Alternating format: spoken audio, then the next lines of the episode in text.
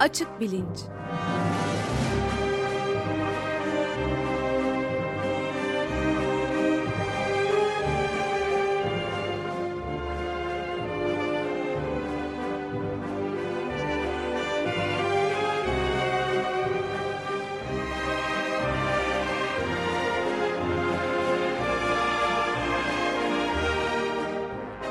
Güven Güzeldere ile bilim ve felsefe sohbetleri.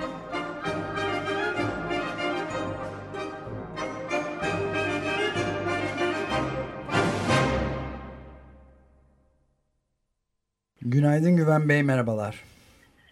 Günaydın Ömer Bey. Günaydın Güven Bey, merhaba. Günaydın Can. Bugün e, konuğumuz o tarafında, suyun öbür tarafında değil mi? Sizin... Evet, e, geçen hafta e, Harvard Üniversitesi'nden araştırmacı astrobiyolog Betül Kacar konuğumuz olmuştu. E, Harvard Üniversitesi'nin genç Türk bilim insanlarını ağırlamaya devam ediyoruz. Bugün de konuğumuz yine Harvard Üniversitesi Tıp Fakültesi'nde doktora sonrası çalışmalarını yapan araştırmacı, biyolog Didem Göz Aytürk. Hoş geldin Didem. Hoş bulduk, teşekkürler. Hoş geldiniz. Merhaba. Hoş bulduk. Ee, bugün e, hem Didem'in kendi araştırmalarından konuşacağız hem de aslında bu araştırmalar 2017 senesinde yakın zamanda e, Nobel Tıp ve Fizyoloji Ödülü'nün verildiği konuya e, bağlanıyor. Biraz ondan söz ederek konuya gireceğiz. daha önce yaptığımız müzik algısının evrimi serisinde e, canlılardaki içsel zamanlama mekanizmalarından ve gece gündüz ritimlerini ayarlayan sirkadyen ritimlerden bir parça bahsetmiştik. Fakat bu konuların uzmanı Didem e, Nobel'de zaten tam bu alanda verildi. Dolayısıyla e, bugünkü programa bunun, bununla başlayalım dedik. E, Didem Göz Aytürk e, İstanbul Üniversitesi'nde okuduktan sonra ortaokul ve liseyi Boğaziçi Üniversitesi Moleküler Biyoloji ve Genetik bölümünü e, bitirip doktora çalışmaları için Virginia Üniversitesi'ne gidiyor. Virginia Üniversitesi'nde e, ışık algısının sirkadyen ritimleri etkisi üzerine çalışıyor. E, ışığa hassas olan, en hassas olan e, dokular arasında e, gözdeki retina var. E, Didem'de retina üstüne araştırmalarına devam ederek e, doktora çalışmasından sonra Harvard Üniversitesi Tıp Fakültesi'ne geliyor ve burada retina dokusundaki sinir hücresi çeşitliliği ve yeni hücre bağlantıları üzerine e, çalışmaya başlıyor. E, bu çalışmaları halen sürmekte. E, hücre çeşitliliği ve hücre bağlantılarının e, virüsler aracılığıyla, modifiye edilmiş virüsler aracılığıyla yapılmış olduğunu ben e, kendisinden yeni öğrenmiş oldum. Programın sonunda e, buna da biraz değineceğiz. E, deyip Didem ben sözü sana bırakayım. Önce istersen bu 2017 Nobel ödülünden bahsederek başlayalım. Sirkadyen ritimler niçin önemli? Bu araştırmalar nereden nasıl başladı? E, şu ana kadar neler biliyoruz bu konuda? Buradan girelim mi? Evet. evet. Belki bir de e, sirkadyen ritimler nedir onunla başlasak e, bilmeyebilecek dinleyicilerimiz için.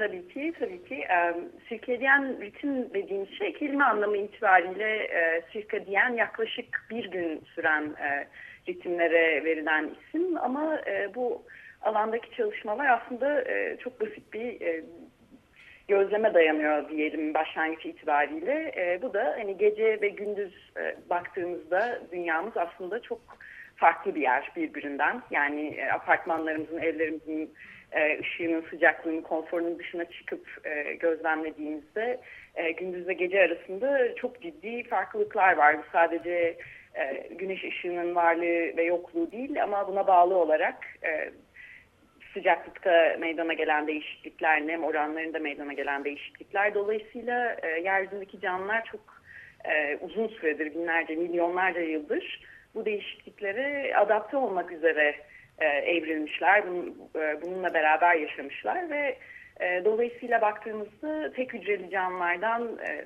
bitkilere ve insanlara uzanan e, merdivende diyeyim e, hemen hemen bütün canlılarda e, bir çeşit e, biyolojik saat yani sirkedyen e, saat olduğunu görüyoruz. E, bu yüzden bunu çalışıyoruz ve bu konuda çalışıyoruz ve bize e, kendimizle ilgili birçok şey öğretiyor aslında bu nispeten e, genç bilim alanı.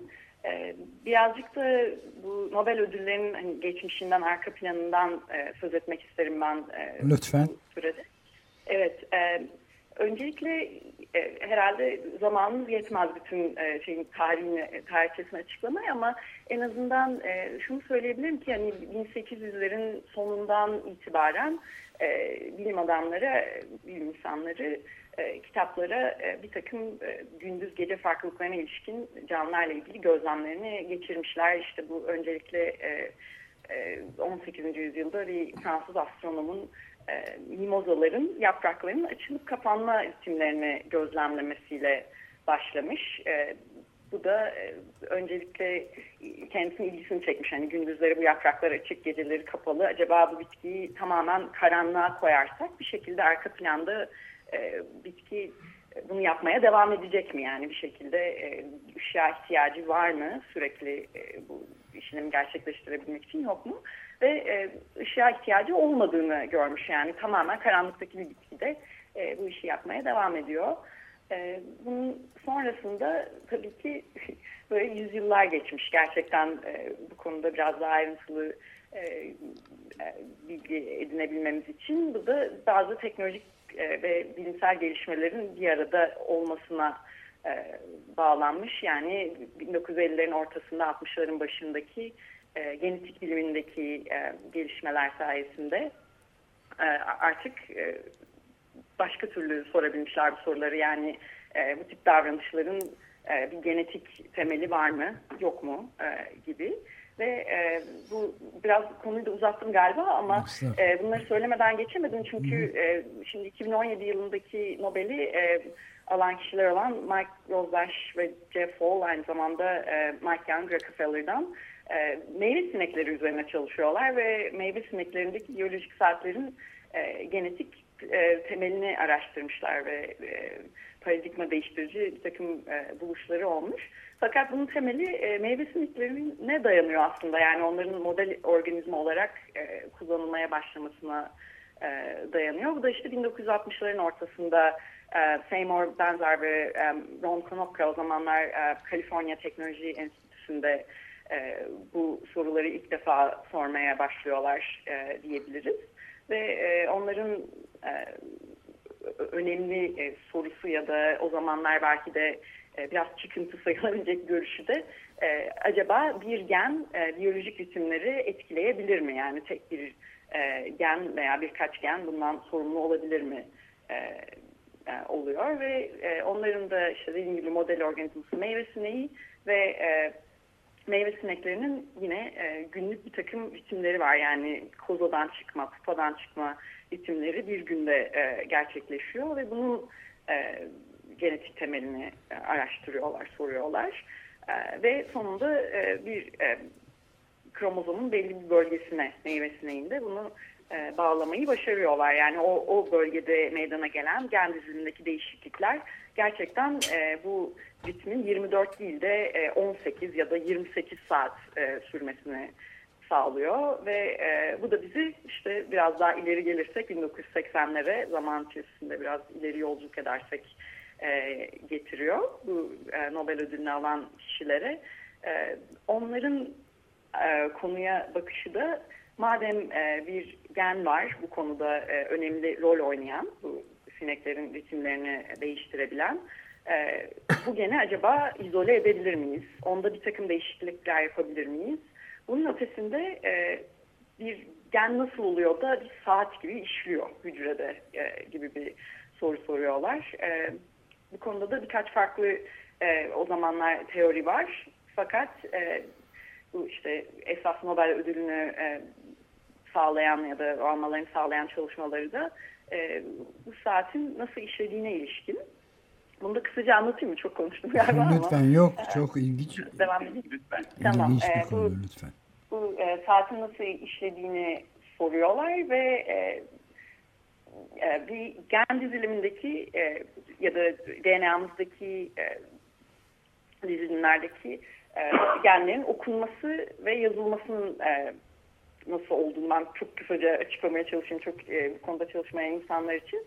E, ben bu konuda bayağı bir kafa yorarak en iyi e, analojinin bir e, yemek kitabı ya da bir kitap analizi olduğuna karar verdim. Dolayısıyla e, DNA'mızda e, dizinlerimiz bir kitap gibi düşünürsek eğer e, genomumuzu e, bunun önce okunması yani bu e, tarifin diyelim okunması daha sonra pişirilmesi ve sonuçta bir e, ekmeğe ya da bir poğaçaya bir şeye dönüşmesi gerekiyor. Yani bu da protein e, çıktısı gibi düşünebiliriz. E, genden proteine uzanan e, e, yolda diyelim. E, ve e, bu buluşun e, özelliği ya da bu e, Nobel ödülünü sağlayan e, çalışma e, bu periyot ya da PER denen e, genin yani e, ritimleri e, sağladığı düşünülen genin e, okunması ve yapılması sırasında e, bu sürenin e, neredeyse e, 24 saate varan bir şekilde e, uzadığını fark ediyorlar. Yani bu e, gen okunuyor, bir takım değişiklikler yapılıyor e, ürününde ve e, bunun üzerine e, protein ürünü geri dönüp e, hücre, e, hücre çekirdeğine giriyor ve kendi e, üretimini engelliyor. Yani bir negatif geri bildirim e, çemberi gibi düşünebiliriz bunu. Ve bütün bu olaylar yaklaşık 24 saat sürüyor ve sonrasında onlarca yıl boyunca e, yeni bir e, alan açılıyor ve e, bu, bu ritimlerin ışıktan, e, dış etkenlerden, ısıdan nasıl etkilendiği, nasıl değişiklikler yapıldığı e, çalışılıyor. Kabaca böyle söyleyebiliriz sanırım. Şimdi bu gece gündüz e, farkı bütün e, canlılar için herhalde en önemli fark gibi geliyor bana. E, bu açıdan da aslında e, evrim kuramının önemini belki bir daha görmüş oluyoruz. Çünkü meyve sinekleriyle yapılmış bir çalışma biz insanlar ya da diğer canlılar üstüne de bir şey söyler hale geliyor. E, evrimsel bağlantılar nedeniyle.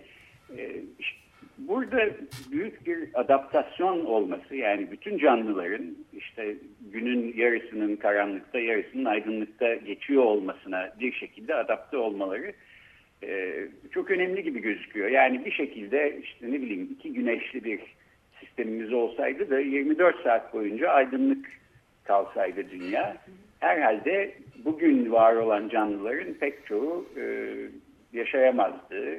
Bambaşka adaptasyonlar olması gerekirdi değil mi? Ben öyle evet. amatör bir şekilde öyle düşünüyorum. Yok kesinlikle öyle çok çok e, büyük bir adaptasyon zaten e, e, bunu yapamayan canlıların evrim sürecinde bu noktalara gelemediğini e, bayağı eminiz ama evet kesinlikle ışık e, en büyük etken bu yani bu moleküler saati hücrelerdeki e, gerçekten sürekli işleyen ışığın da yokluğunda bir şekilde işleyen bir e, mekanizma olarak düşünebiliriz ama bunun ayarlanması için yani gerçekten gece ve gündüz e, sürecine adapte olabilmesi için ışık en büyük e, etken. Dolayısıyla e, başka başka etkenler de var yani ısı gibi, sosyal etkileşimler gibi, yiyecek, yeme içme saatlerimiz gibi. Ama e, kesinlikle ışık en büyük etken ve e, çok başka bir dünyada olurduk gerçekten öyle yani. İki güneş. Tabii biz insanların Pardon ben de ee, bir ufacık buyurun. parantez soru e, ekleyeyim. E, yani özellikle bu adaptasyon meselesi e, hayati önem taşıyan en önemli unsur gibi gözüküyor. İşte bütün evrim sürecinde milyonlarca yıllık bir yaşam sürecinin ve işte tam da bu noktada şimdi küresel iklim krizi, e, küresel ısınma varken e, bitkilerin de hayvanların da insanların da adapte olmak için e, yeterli zaman bulamayacağı gibi çok önemli bir probleme değinen fevkalade önemli yazılar çıkmaya başladı. yani yok oluştan kurtulmak için bir zamana ihtiyaç var. Tıpkı böyle gece gündüz ritmi gibi. işte bu ısı dedi biraz önce e, Didem Hanım. E, sıcaklığa da e, adapte olamayacak olduğu görülüyor. Pek çok bitkinin, ağaçların, hayvanların ve de elbette insanların da. Evet evet kesinlikle yani e, ayrıca bundan bahsetmedim mekanizmaları farklı olduğu için ama e, mevsimsel saatler de var e, vücudumuzda. E, kesinlikle sıcaklık bayağı önemli bir etken ve özellikle hani sirkeleyen ritimler konusunda düşünürsek e, ne kadar önemli olduğunu herhalde e, neredeyse bütün canlılarda korunmuş olması ve e, dediğim gibi tek hücreliden e, insana uzanan e, o yelpazede hepimizde olması ne kadar önemli olduğunu gösteriyor ve evet sıcaklık çok çok önemli gerçekten e, bu beklenmedik ve kısa sürede meydana gelen değişikliklerin ne gibi sonuçlar ol, olacağını bundan e, 100 yıl 500 yıl sonra bilmesi gerçekten biraz zor. Evet yani tam şeyi yapmışken pardon yani tam işte Buyurun. hem COP23 dün başladı e, iklim uluslararası iklim konferansı hem de şey saat e, meselesi de yaz saati kış saati de e, tekrar değişti. Türkiye'de değişmedi ama başka yerlerde değişti. Tam bu bunu konuşmanın tam zamanı yani. Sirkadyen ritmleri. Evet biz iki gün önce e, saatleri bir saat geriye aldık Amerika Birleşik Devletleri'nde. Siz devam ediyorsunuz eski saat usulü. Evet. E, ben de e, şunu söyleyecektim oradan bağlayıp e, tekrar Didem'e sözü verelim. E, doğa insan türünün ortaya çıktığında e, bulduğumuz doğa değil artık. E, arkamızda bırakacağımız doğa çok e, harap olmuş, hasara uğramış bir doğa. E, ama bunun yanı sıra insan e, yaşantısı özellikle şehirlerde e, ısı konusunda da ışık konusunda da bambaşka e, değişiklikler getirmiş durumda. Yani artık e, günün yarısı e, aydınlık yarısı karanlık değil çünkü e, ışıklandırma yoluyla 24 saat aydınlıkta da kalabiliriz istersek ya da gece ısı e, düşüyor da olsa biz de evlerimizde aynı ısıda yaşamaya devam e, edebiliyoruz. E, bütün bunların e, bütün canlı organizmalar üstüne nasıl bir e, etkisi olacağından tutun yaz saati uygulamasının yaz kış Türkiye'de devam ediyor olmasının işte anaokulu, ilkokul çocukları üstüne nasıl bir psikolojik etkisi olacağına kadar birbirinden değişik herhalde sorunlarla karşı karşıyayız.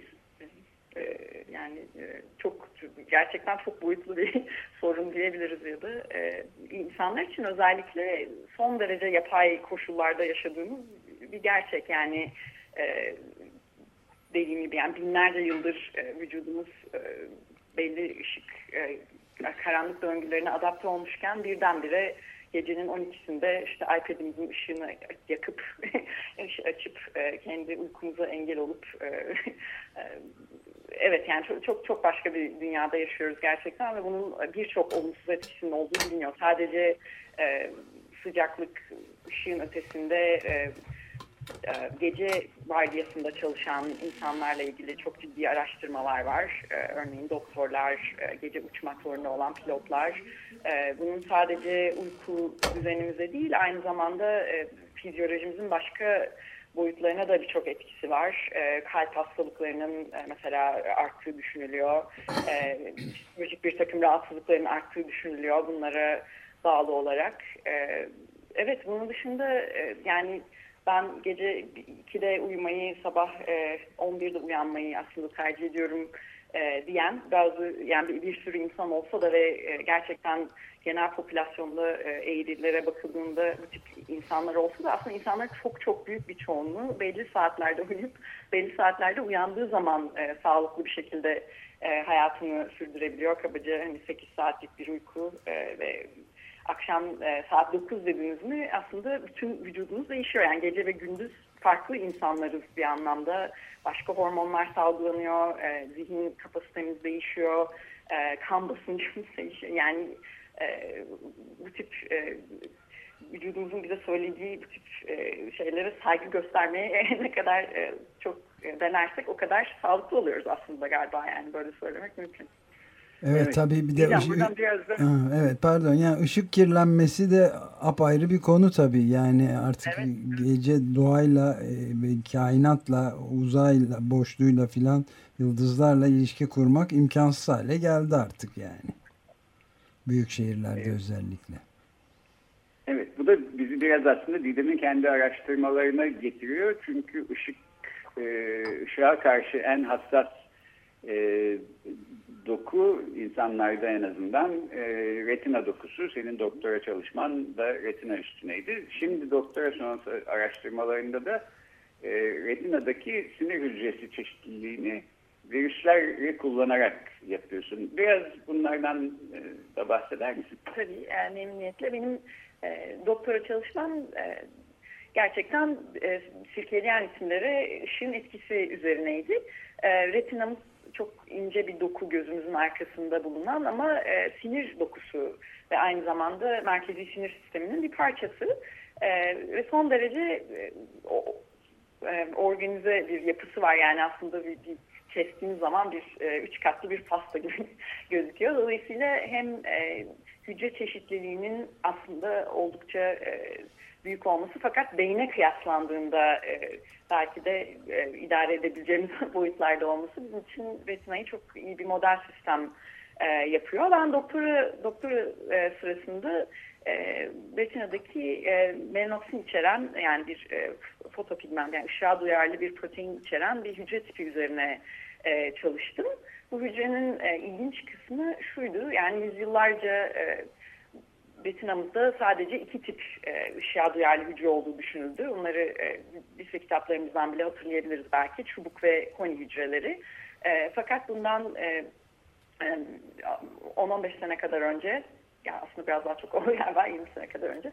E, üçüncü bir e, ışığa duyarlı hücre bulundu. İşte bu menopsin hücresi dediğim e, hücre tipi retinada. Bu hücrelerin özelliği e, e, beyinde sadece e, e, görmeye yarayan bölgeleri değil, aynı zamanda e, e, biyolojik biçimlerimizi sağlayan merkezlere, e, ve anksiyete ve depresyonla bağlantılı bir takım merkezlere böyle çok çeşitli alanlara ışık bilgisini götürmesiydi. E, ben doktoramda bu hücrelerin e, retinada başka hangi hücrelerle iletişim içinde olabileceği üzerine e, bir çalışma yaptım. Ama e, bu sırada işte retina ile iyice artık e, haşır neşir olmuştum. Ve e, post dokumda yani doktor sonrası çalışmalarımda da e, acaba bu bağlantıların daha iyi nasıl e, inceleyebiliriz e, gibi bir konu ilgimi çekti ve bunun için e, buraya geldim Harvard e, Tıp Fakültesi'nde Kaniseko'nun labına. E, burada e, bu bağlantıları görselleştirmek için virüsleri kullanıyoruz. Ve bunu ilk söylediğim herkes biraz endişeli bakışlarla e, beni süzüyor. Ama e, gerçekten e, zararsız hale getirebildiğimiz bir takım virüsler var. Bunlar sinir hücrelerini enfekte edebiliyorlar e, ve e, bir hücreden diğerine bu e, nöral ağları ya da sinir ağlarını görselleştirecek şekilde atlayabiliyorlar. Dolayısıyla e, daha önce görmediğimiz e, hücre tiplerinin e, anatomisini, morfolojisini çok güzel e, mikroskop altında inceleyebiliyoruz ve bunların e, beyinde nerelere e, bağlandığını inceleyebiliyoruz. Benim e, doktora sonrası konumda kabaca böyle diyebiliriz yani bunların üzerine çalışıyoruz. Görselleştirme yani derken için... ne diyorsun? Ne, neyi kastediyorsunuz? Yani virüs nasıl görselleştiriyor? Çok küçük. Aa, evet, evet. Ee, şimdi şöyle, onu da şöyle başarıyoruz. Ee, ge e, genetik e, ve moleküler bir takım e, gereçlerimiz var artık. Yani virüsleri alıp e, onların bizi hasta etmesine yol açacak diyebilirim. E, bir takım özelliklerini bastırıp bunun yerine, bu genlerin yerine e, örneğin e, örneğin e, ışıklı bir takım e, proteinleri kodlayan genler koyabiliyoruz. Yani GFP örneğin yani Green Fluorescent Protein dediğimiz e, bir e, proteini kodlayan bir geni koyabiliyoruz. Dolayısıyla e, normal gözle değil ama belli dalga boylarında e, ışık gönderdiğimiz zaman dokunun üzerine e, enfekte olan hücre parlak yeşil bir şekilde hmm. e, görselleşiyor. Yani bunları bakabildiğimiz mikroskop, özel mikroskoplarımız ve e, genetik manipülasyon tekniklerimiz var. Baya e, bilim kurgu evet, bilim kurgu. yani 20-20 sene öncesinde bir takım teknikler kullanıyoruz aslında. Çok e, heyecanlı gerçekten bunlarla çalışmak. Evet yani biyolojiyi anlamak için biyolojinin kendisinden yararlanarak elde ettiğiniz bir takım araç gereçler Kesinlikle. kullanıyorsunuz evet. aslında. Evet kesinlikle. Ee, bilimin öncü e, çalışmaları böyle şeyler. E, peki programımızın sonuna gelirken e, birden daha genel anlamda söylemek istediğim bir şeyler varsa yine son dakikalarda sözü sana bırakayım. Mesela geçen hafta Betül Kacar'la kız çocukların eğitime yönlendirilmesi, bilime yönlendirilmesi ve genel olarak akademide kadın olmak e, meselesine biraz değinmiştik. E, bizi dinleyen belki bilim insanı olmayı düşünen genç insanlara da ilham olacak e, birkaç söz söylemek istersen söz senin. Evet, e, çok isterim. Aslında bu konuda bence ne kadar konuşsak e, bitiremeyiz herhalde. Özellikle e, genç ve bilime yönelmeye çalışan arkadaşlarımıza ben çok kısa iki cümle söylemek isterim.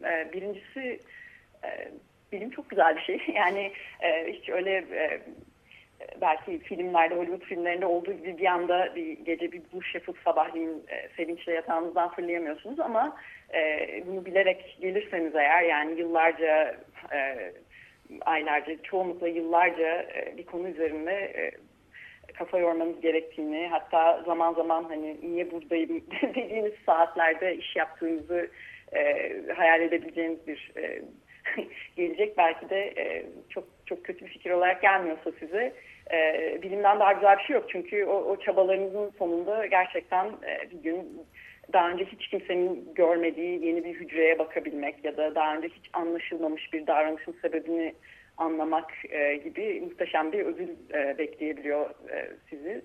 Dolayısıyla e, bence gerçekten insanın hayatıyla yapabileceği en değerli şeylerden biri. E, eğer e, böyle lise, lise e, üniversite çağında olup da bu konulara yönelmek isteyen arkadaşlarımız varsa e, bizlerden yardım istemekten ya da e, soru soruşturmaktan, çeşitli e, konularda bilgi edinmekten çekinmeyin her zaman e, bizleri bulabilirsiniz. E, sorun soruşturun ama e, bence gerçekten çok güzel bir şey. Çok tavsiye ederim yani. Memnunum bunu yapmış olmaktan e, uzun yıllar alsa da. Evet bu şekilde de bitiriyoruz herhalde. Bu çok Evet programı ilham verici sözlerden sonra. Harvard Üniversitesi Tıp Fakültesi'nden e, genç bilimcilerimizden araştırmacı e, Didem Göz Aytürk gün konuğumuzdu. Çok teşekkürler Çok Didem teşekkür geldiğin için e, ve bize anlattıkların için. Gelecek hafta alternatif tıp üzerine 6 programlık bir seriye başlıyoruz. Yaklaşık bir senedir bu serinin hazırlıkları e, sürüyordu. E, her yönüyle e, alternatif, geleneksel ve tamamlayıcı tıp denilen alanları e, ele almaya ve bilimsel veriler ışığında e, tartışmaya çalışacağız. Genellikle e, gündeme dair bir konu olduğu zaman araya böyle programlar sokuyoruz ama e, gündem bir şekilde kendisini açık bilincin içine dahil ettirmezse e, önümüzdeki 6 hafta boyunca e, çok kapsamlı bir şekilde e, alternatif tıp üzerine programlar dinliyor olacaksınız. Bunu da duyurmuş olayım dedim. E, haftaya görüşmek üzere. Çok teşekkürler Didem Hanım. Ben teşekkür ederim. Görüşmek üzere. Görüşmek üzere. Hoşçakalın.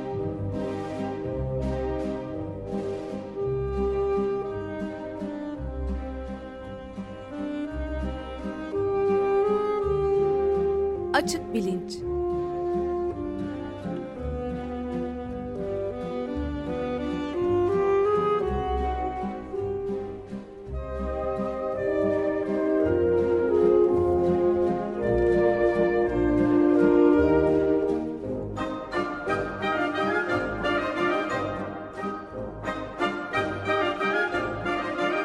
Güven Güzeldere ile bilim ve felsefe sohbetleri.